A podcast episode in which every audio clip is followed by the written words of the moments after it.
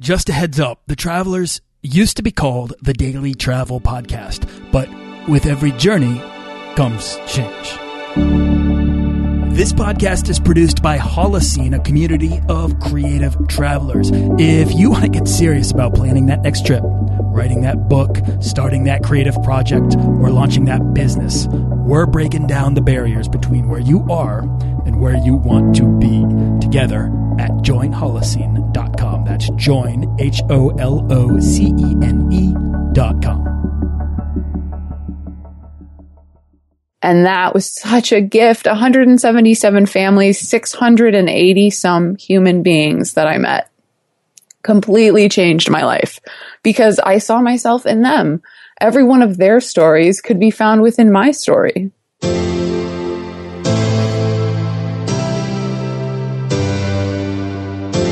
This is a series of stories with fascinating people about things unexpected. All of a sudden, I was sort of in this swirl of thoughts and images in my head. This is the Daily Travel Podcast. I saw myself dancing in honky tonk bars and swimming in the ocean and, and taking pictures with people on the beach. I mean, it was the wildest thing. This is about going to the limits of our curiosity and creativity and writing the stories that make up our lives. This is a show about exploring the world to better know ourselves and about turning ourselves inside out to better know the world. I knew it was that simple that I would travel all 50 states in 365 days.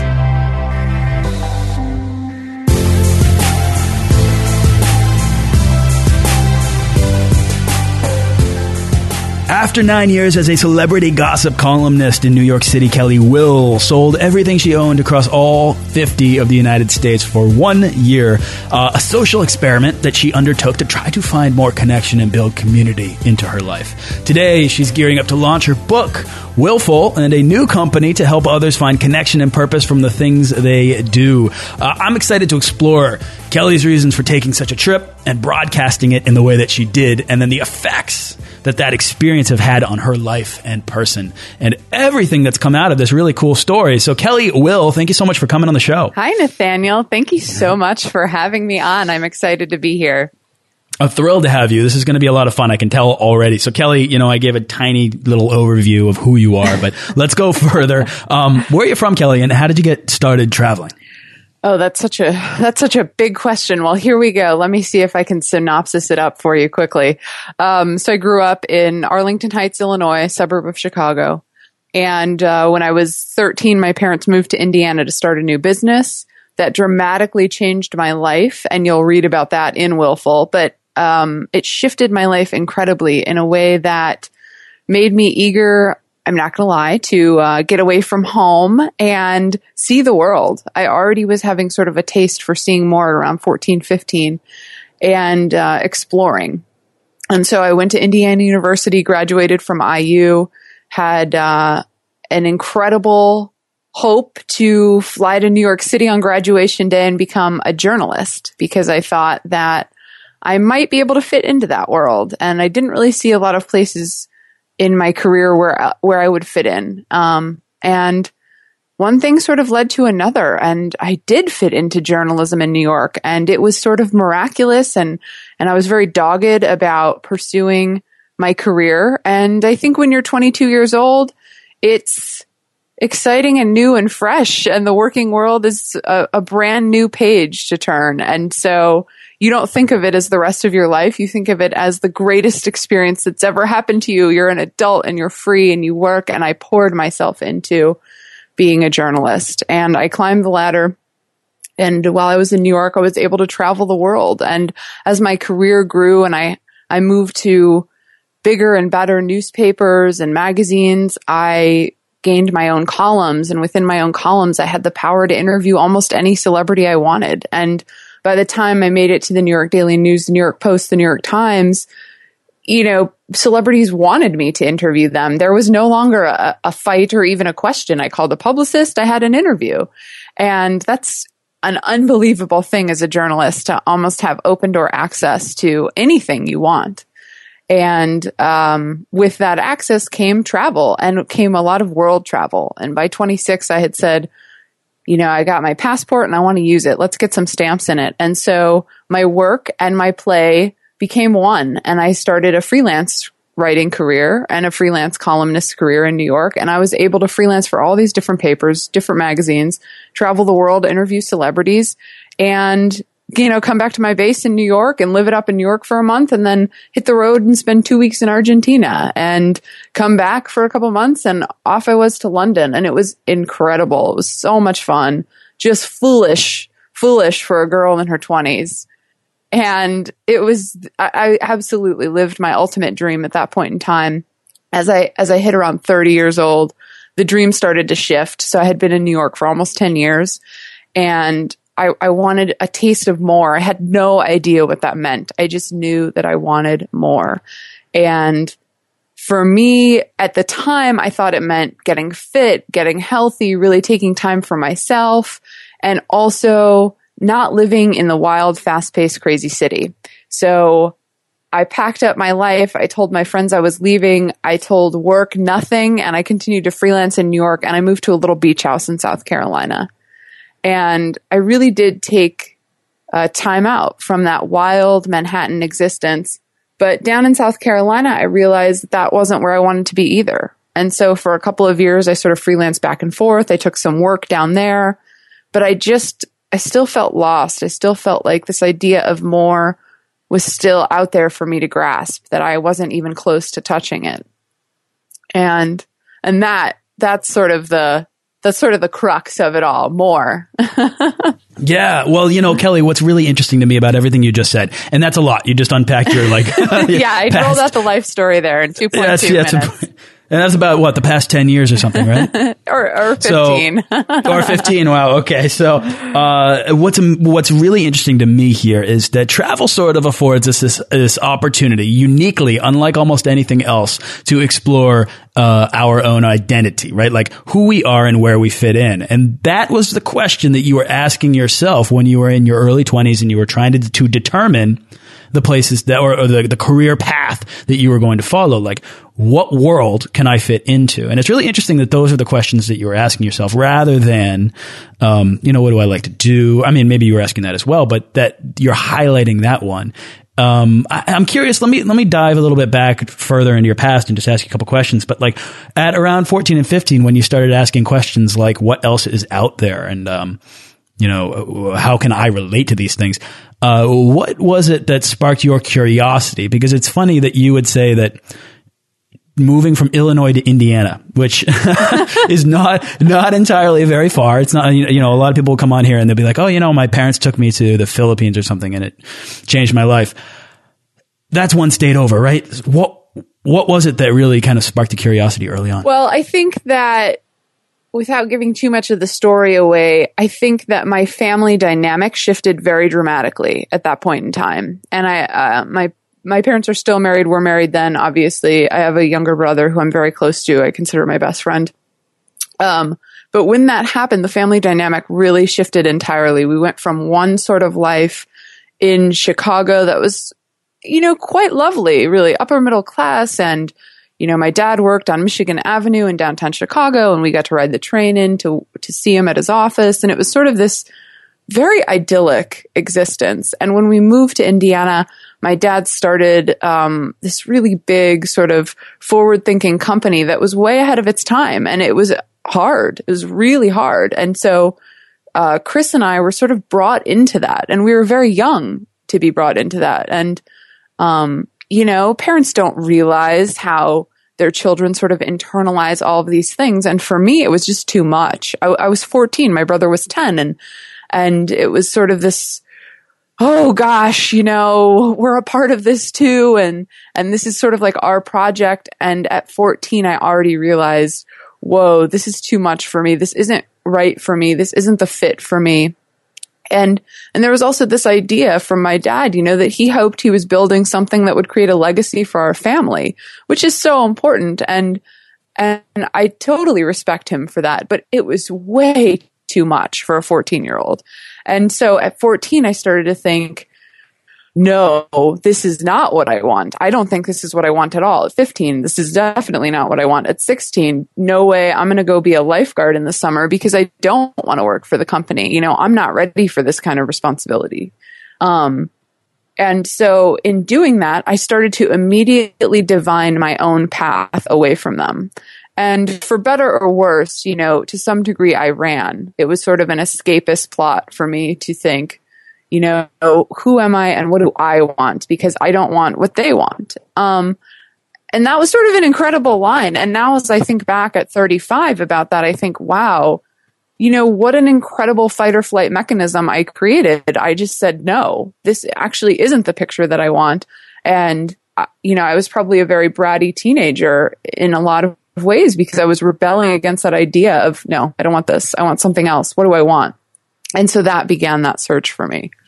What do you think it was about fitting in that was the made the focus of trying to find a career? I mean, does that have anything to do with the sort of the the way your family or, or um, your perspective on work life had been kind of upended?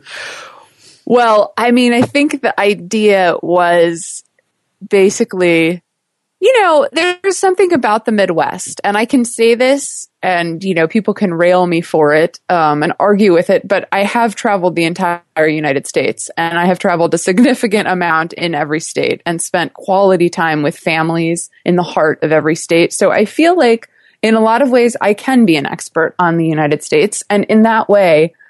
Um, I'm going to sort of make a blanket statement about the Midwest, and people will probably be slightly offended, some of them, but I think a lot of people agree with me. There's something about the Midwestern mentality where it's very much like there is a box and you, you are born, you go to school, you get good grades, you then hopefully go on to college or you get a job. Those are sort of your two options. And then you have a family and you have your children and then you continue to work until you retire and then it's their job to be born, go to school, get good grades, work. And it's sort of like this is this is a very Midwestern mentality. And there's nothing wrong with that. And there's there's absolutely nothing wrong with it. But it, it does sort of pervade who you are as a child. You're taught that. Um, and it was the same in Chicago and in Northern Indiana. Uh, I felt it very strongly. I actually felt it more strongly in Chicago that this is just sort of, this is what you do. And, and, uh, you know, I knew that wasn't me. I think at an early age, I didn't understand. I didn't understand that difference, but I knew that I was different and I didn't, I didn't fit that box, but I knew that if I found work that could define me, then I would be okay in the eyes of my family and I would still fit in. So even if it wasn't like the box of work that people sort of defined, the nine to five, you know, with good benefits and weeks, week long weekends, and uh, you know you retire at 65 with this great retirement package. As long as I found work that paid me decently and uh, made me look successful, I would be okay in their eyes. So there was still this incredible need to fit in. And so that drove me in New York. I mean, here I am like trying to escape this past and I'm going to just make this insane career for myself that looks nothing like yours. But boy, am I working my butt off. It's almost an opportunity to try to explore who you are by taking an opposite approach to that. I've always been, Kelly, I don't know about you, but almost envious to be satisfied by that sort of ordered mechanism yes. of society. You know, it's like I look at people and it's like that satisfies you or maybe it's maybe your passion it's like some people's passion is the family and is taking care of kids. And for me it's like i i don't know maybe i'm i'm cursed with um, the questions the the existential dilemma of life and needing to go out into the world to explore it. I i, I just think i neither side of the coin is is certainly a bad way to be but i i know from my side it seems so much easier to uh, to not have to answer or explore or search for answers uh, to these bigger questions. Um, but clearly, you from the age of fourteen were having these questions, were wondering where you could fit in, found somewhere, uh, sort of burned yourself out, had a bit of stress, and then. Um, uh, made a deliberate change. So take us back to, uh, you know, South Carolina, and then sort of where did the idea for where you're at now come from? It's sort of it's sort of wild. Um, and it's the opening of my book, and it really sets the scene for everything that happened to me. And uh, I was just really lost. My identity was gone in South Carolina because I had defined my identity by my career in New York. I was a successful gossip columnist and that gave me power and respect and, and money, less money than you'd think, but it gave me money to a degree. And it gave me so many freebies too. I mean, free travel, free this, free that, free everything, free drinks, free dresses, free, free shoes. I mean, it was absurd. So, you know, I didn't really plan for that identity shift. So I leave New York and I'm still freelancing, but as it happens, of course, things start to trickle away and you can't stay super connected when you are a thousand plus miles away from someplace, you know, even if you're pretending you're still there. And so the longer I was in South Carolina, the more my identity sort of became washed away. And I, I wasn't strong enough at that time to recognize that and say, what do I need? What, what will fulfill me here? What is it work? Is it home? Do I want a family? You know, what is it that I really need most? I was too scared to ask that question. I was too scared to take that existential plane at that point in time. And I was so scared of everything. You know, I'm going to be poor. I'm going to go from being a famous gossip columnist to being absolutely nothing in South Carolina. And, and it was sort of amazing because my mind, our mind can be just really the worst thing on earth. It is, to me, my mind is the worst place to live at all times. I try to stay as free of my mind as possible. Um, but I went deep into my mind, into the dark corners, and I let it tell a story that was terrifying. And I let my mind tell a story that kept me really small and diminished. And, you know, you're gonna fail. This is awful. It was worst case scenarios left and right. And, and that happened about two years out of New York. And, you know, it, it came to pass that I was in a really, you know, a, a, weak position in my work. I had sort of taken a job that just didn't suit me at all and it, it paid terribly. And so there was a, more loss of my value. And as I'm realizing, wow, this job is not right for me. This is bad news. Instead of saying, but what do you want, Kelly? It's okay. Take a breath and let's think about what you want. It's okay. Take a minute. You don't have to panic you can walk away from this situation and still be whole. Instead of that thought, I started a relationship with a man that, you know, wasn't right for me and that was really bad for me. And, and that's what we do. We self sabotage when we're scared. You know, we just sort of start grasping at straws instead of clearing away and sitting down and saying, I'm okay and it's going to be okay. How can I make it okay? What's going to feel good to me for real?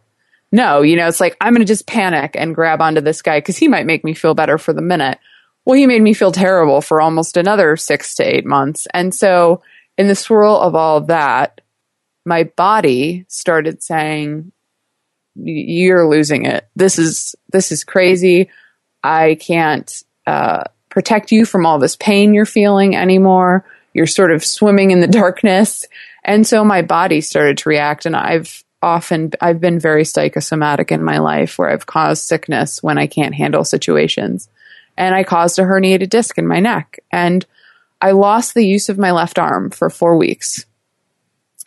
And that's terrifying. That is the most horrifying thing that I think can happen to someone is that they become almost totally non-functional in a physical way. To lose Is this something you woke up with or is this something that I literally woke day? up with it, Nathaniel. Ugh. Which is which is to say, you know, psychosomatic illness is not a joke. It is absolutely a real thing. And, you know, the doctors were just like, I've never seen something so severe and a person your age at the time I was 33. I mean, they couldn't believe the severity of this herniation from nothing, no impact, no car accident, no impact sports, nothing. I woke up one day with a severely herniated disc. Now, I was incredibly into fitness.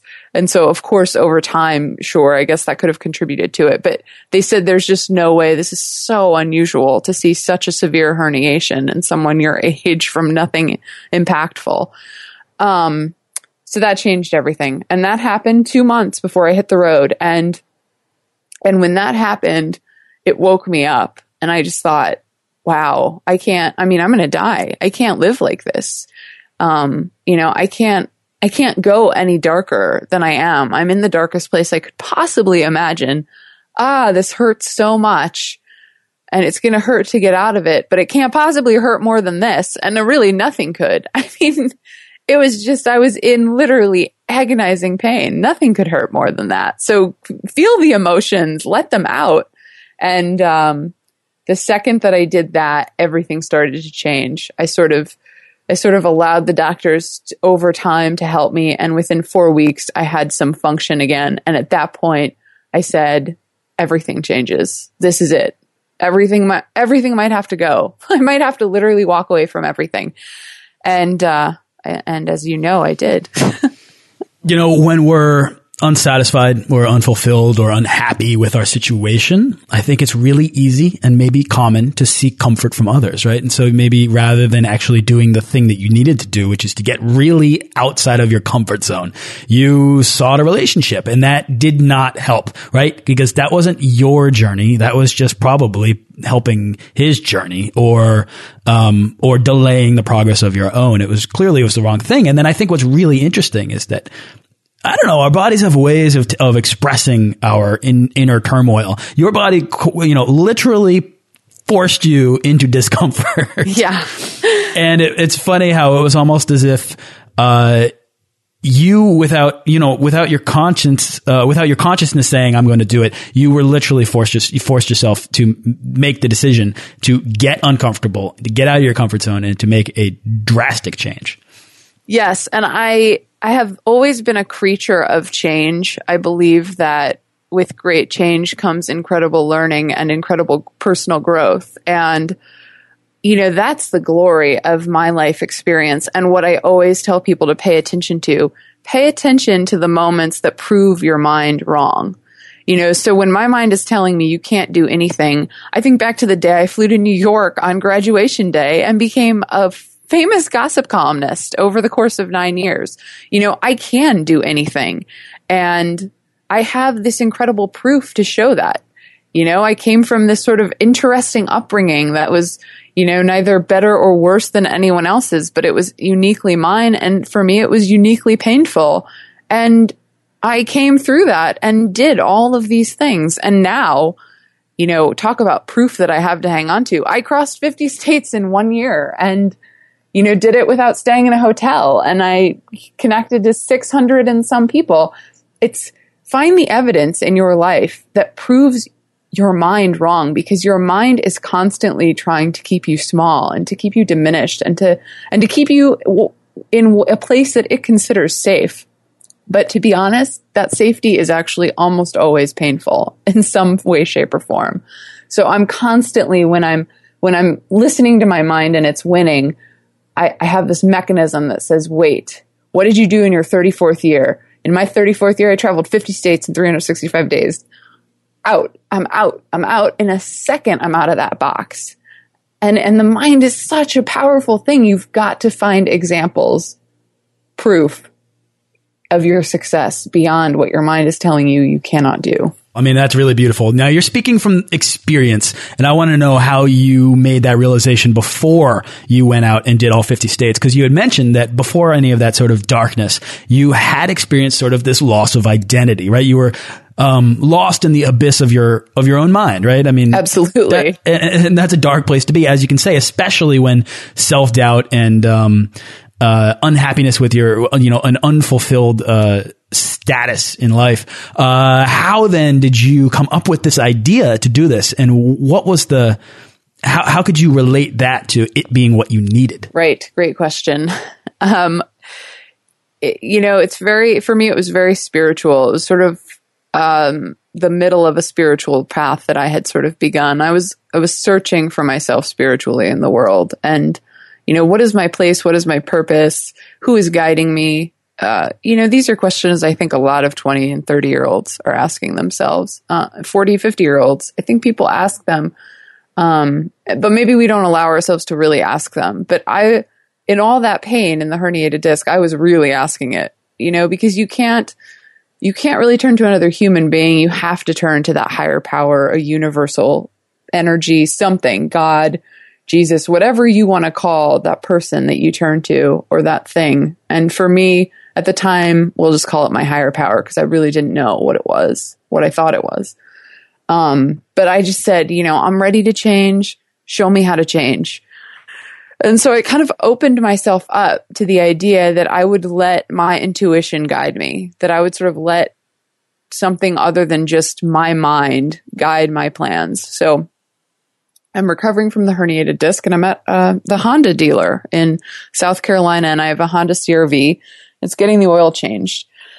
And uh, I'm flipping through a magazine. And as I'm flipping through this magazine, I stop at a spread that has a picture of the United States and there's dots on it and it's places you should go and you should see. And, and for whatever reason, I could not turn the page and I sort of stared at the page. And as I stared, the page faded out. And all of a sudden, I was sort of in this swirl of thoughts and images in my head. And there was sort of this message of me in all of these images traveling across the United States. I saw myself dancing in honky tonk bars and swimming in the ocean and, and taking pictures with people on the beach. I mean, it was the wildest thing. And it's still really hard for me to talk about it, actually. But as this happened to me and it washed away from me, as the feeling sort of moved through me and the images stopped, I knew it was that simple that I would travel all 50 states in 365 days.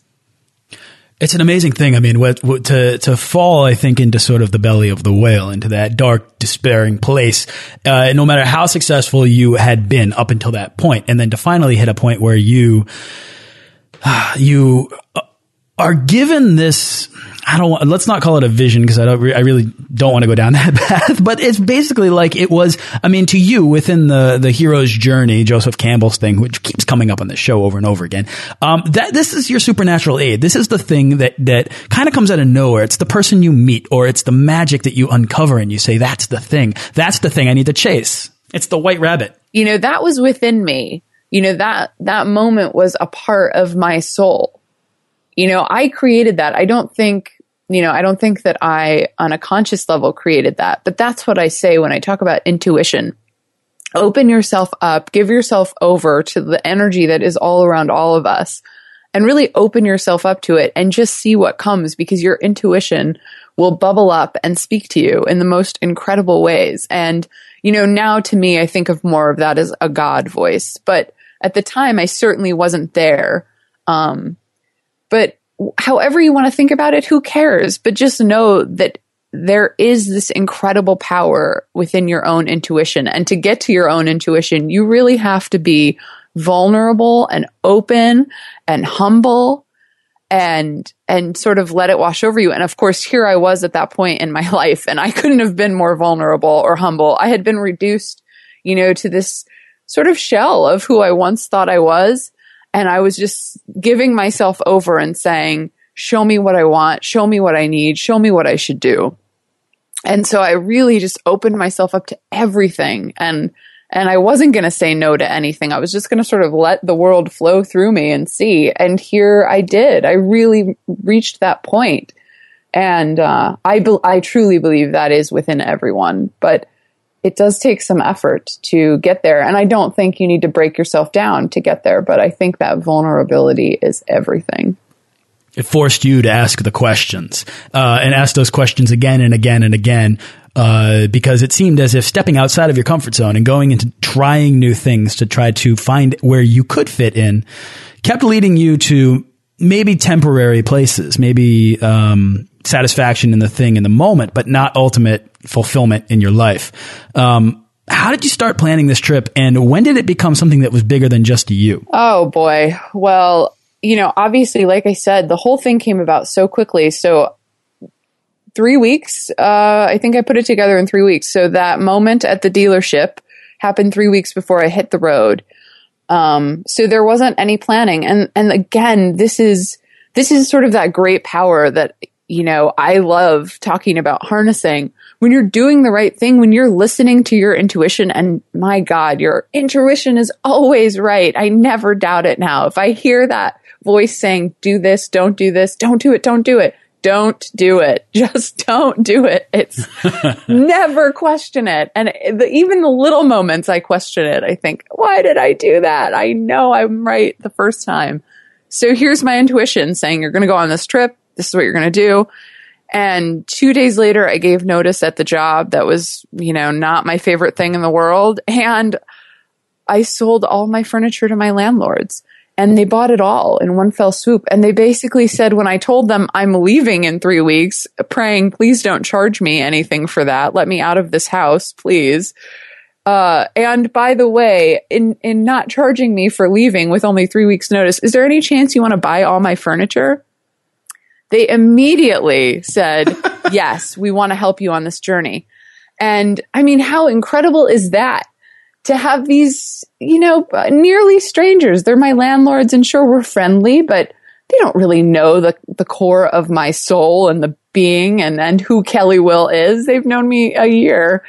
Here, there, yes, we would love, we'll buy all your furniture. How much do you want for it? So it, to me, that was sort of just within three days of having the vision in the Honda dealership.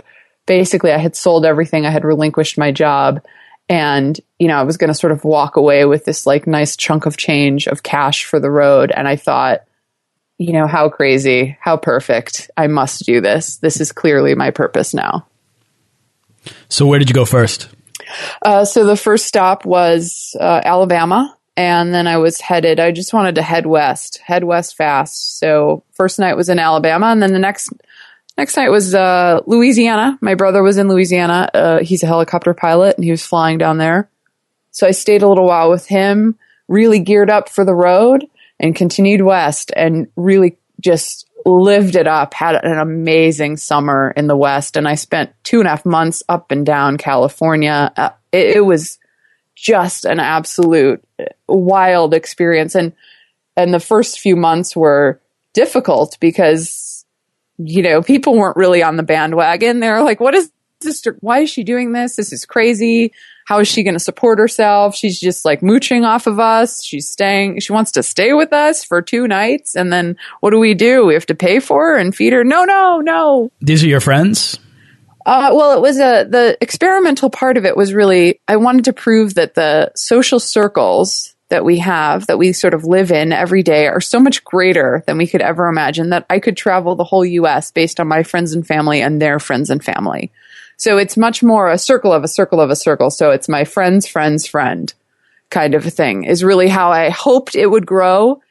And those first few months, obviously, it takes time to set those roots in action and it didn't grow right away, but it grew enough that I had a host home in every place and that people were, in fact, very accepting of me and didn't think I was a mooch and didn't think I was there to take advantage of them.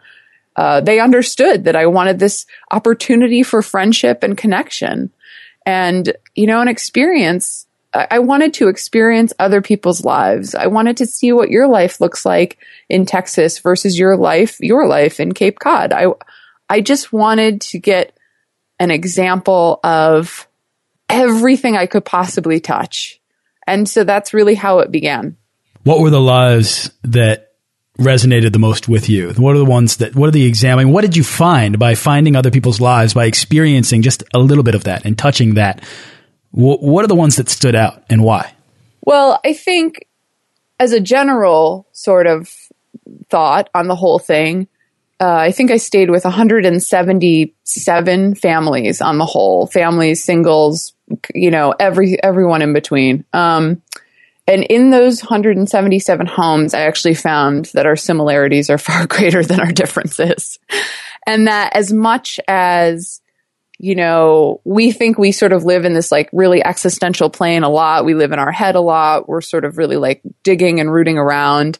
That for the most part, people's feelings are so incredibly similar.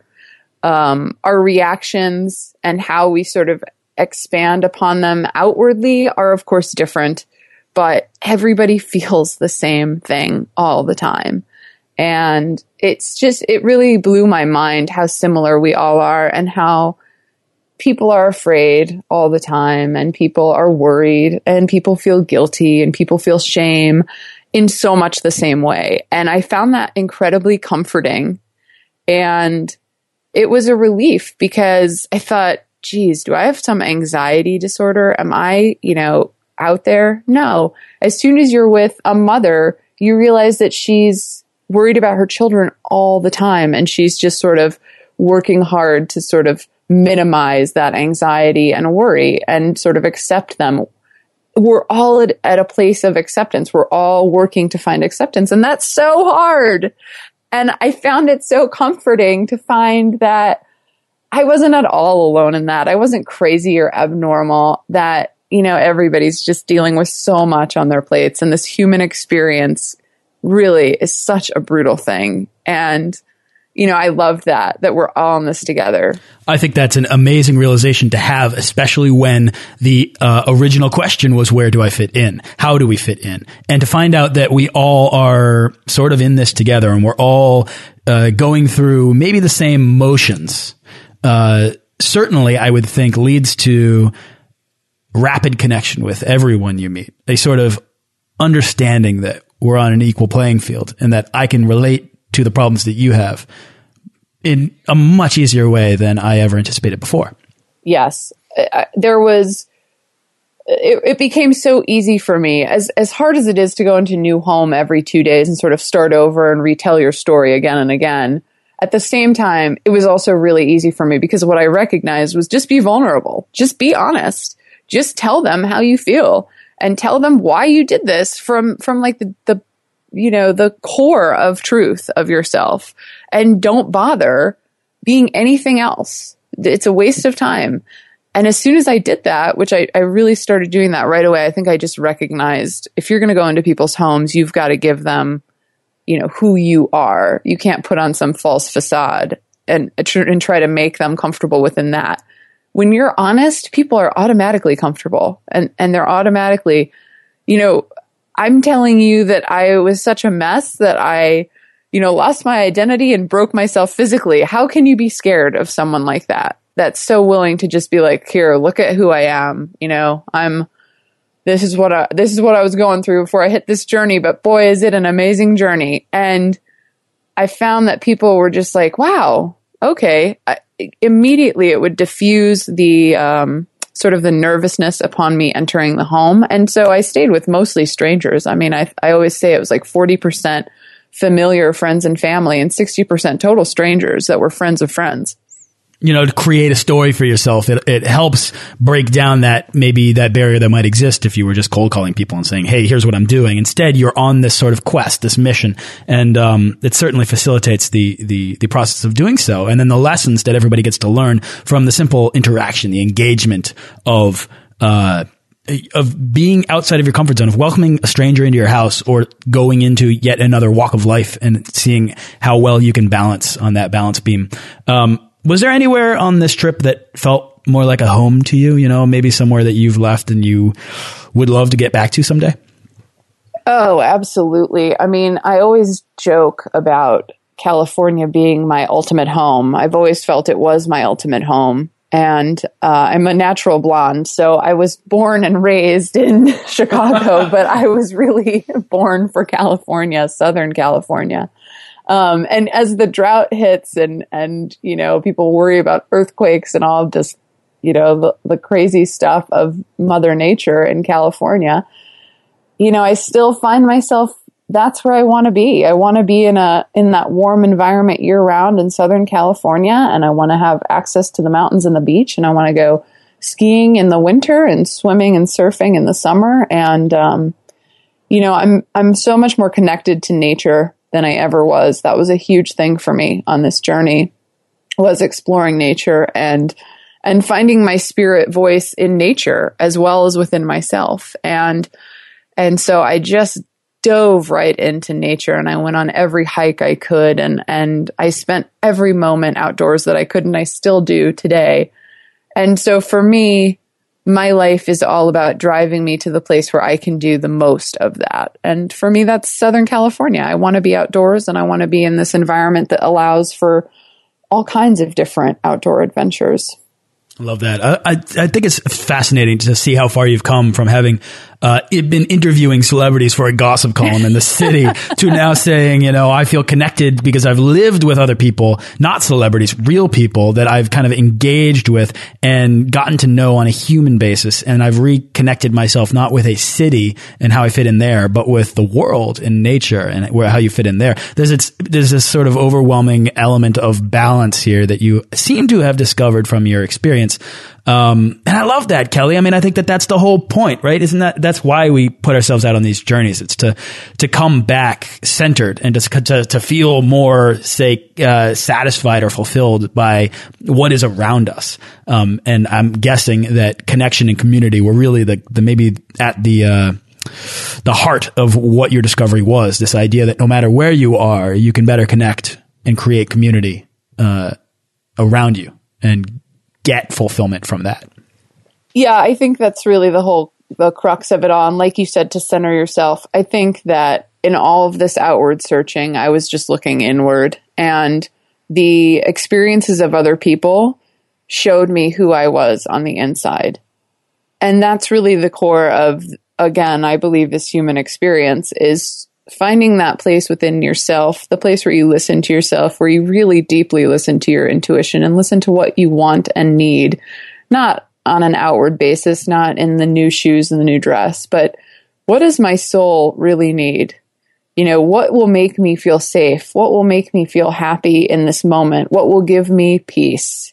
And for me, it's all about finding a peaceful center. And if I can create that within myself, it doesn't matter where I go. And the experience of this journey allowed me to find that. And honestly, it was all about listening to other people. It was let someone talk to you. And when you're letting them talk to you, just listen. Don't think about what you're going to say back. Just listen to what they're going to say. And then when they stop talking and you've mulled over what they've said, then maybe you share what you feel about that but there's no sort of back talk or over talk or, um, you know, jump on, I've got to say this. I've got, I, I try never to do that anymore because what you're sharing with me is probably something that's going to enlighten me into my spirit and my soul even further. And, and that was such a gift. 177 families, 680 some human beings that I met completely changed my life because I saw myself in them every one of their stories could be found within my story. You know, it's easy, I think, not to listen when you're surrounded by the familiar, right? When you're surrounded by things that you either understand or think that you understand, have figured out, you have, you have answered, right? But it's when you put yourself into the unknown and you have the questions, you're forced to stop talking and to listen, right? And to pay attention to the differences that exist and then to understand how you relate to those things. Um, to me, there's no better way to begin to understand exactly who you are by recognizing the ways in which you respond to new differences. Um, Kelly, let me ask you a question. What did your father think about this career move? well, that is a great question, Daniel. that is a great question, and I'm sure he'll be listening and laughing. Here's this.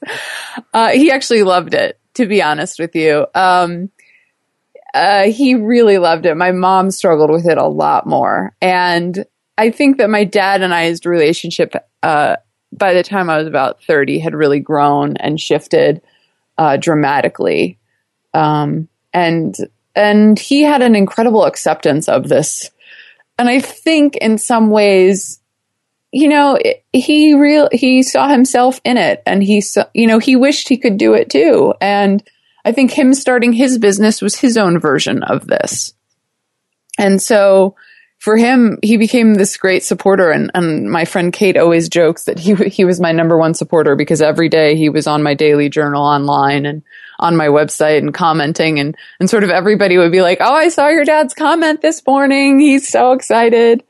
Um, and my mom was totally a part of every day too. She was definitely on the journal, but he was just very active in the journey. So it was, you know, that's an incredible thing to, have parental acceptance. Isn't that what we really all want from our family?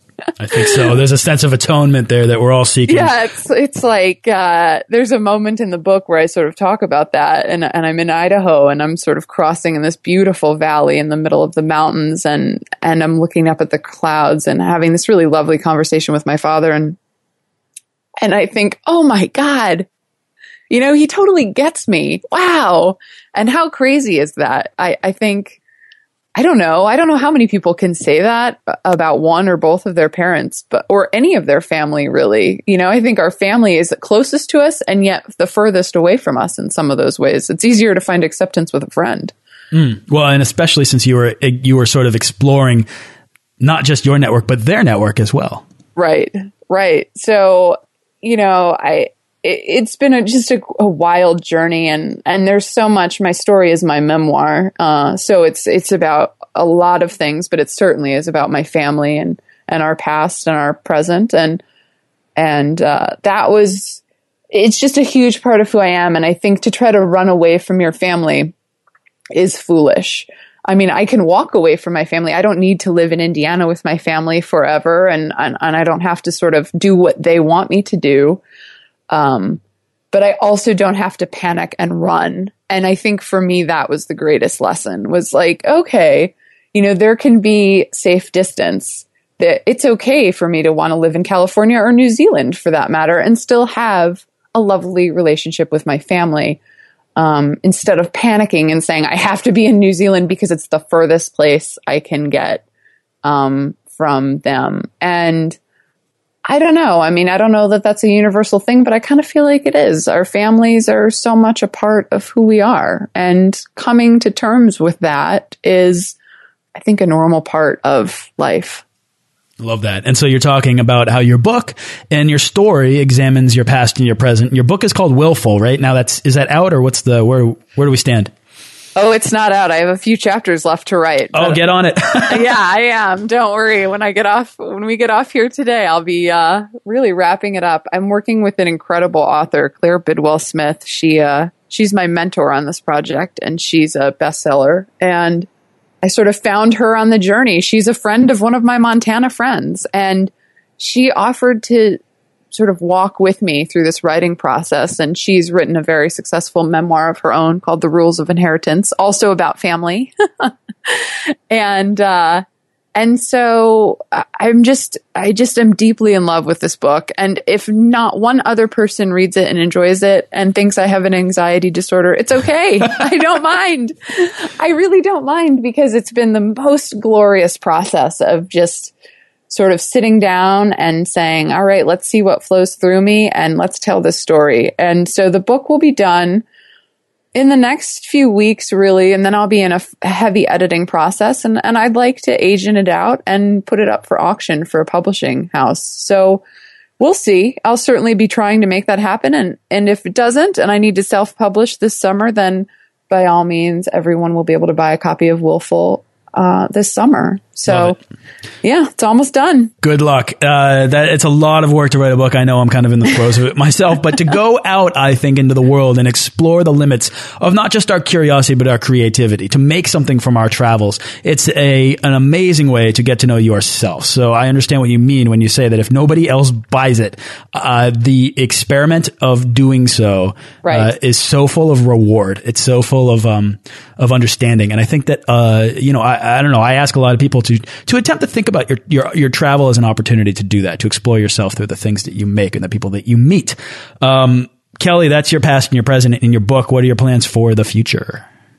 You know, I have no plans beyond this book. I know that what will come next will be extraordinary. And I sort of just, I, I'm on the roller coaster ride of it all. And I don't like to plan too far ahead. One thing at a time until you finish it completely and then on to the next. And this book is just like you said, you know, it's sort of like that, the culmination of that great experience. And it's so important to me to get it done and to, to have it uh, completed in my hand will be really one of the greatest achievements of perhaps my life. So when that happens, then I'll think about what's next. But let's let's work on the book and we'll see. The next thing will come. I respect that. Kelly, where can people go to find out more about you and the book and all of your travels?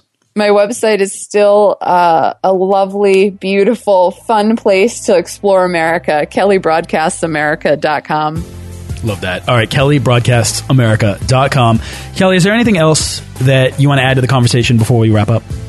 No, I mean, I, I, well, of course. What am I saying? No, I always have something. everyone says that. I, I ask that question. Everyone says no, and then they follow with like this profound statement, and I'm such nonsense. Um, uh, yeah, I de- yes, I definitely have something to add. My final thing is, it's all about you. Take care of your side of the road. Keep your side of the road clean, and take care of your soul and your spirit, and and and search for what you really want and sit down in a quiet room and take the time to do that every single day just for a few minutes because if you keep your side of the road clean everyone else around you rises to meet you love that search for what you really want and like Kelly, I mean, you don't have to do this uh, in far flung places. You can do this in the comfort of your own backyard. You can do this in the comfort of your own country. Uh, you can explore maybe not just your network, but just a little bit beyond that. And the the things that you can find waiting for you, just right there within your grasp.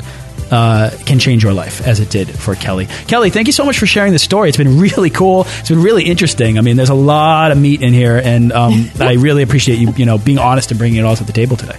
Thank you so much, Nathaniel. It was a pleasure.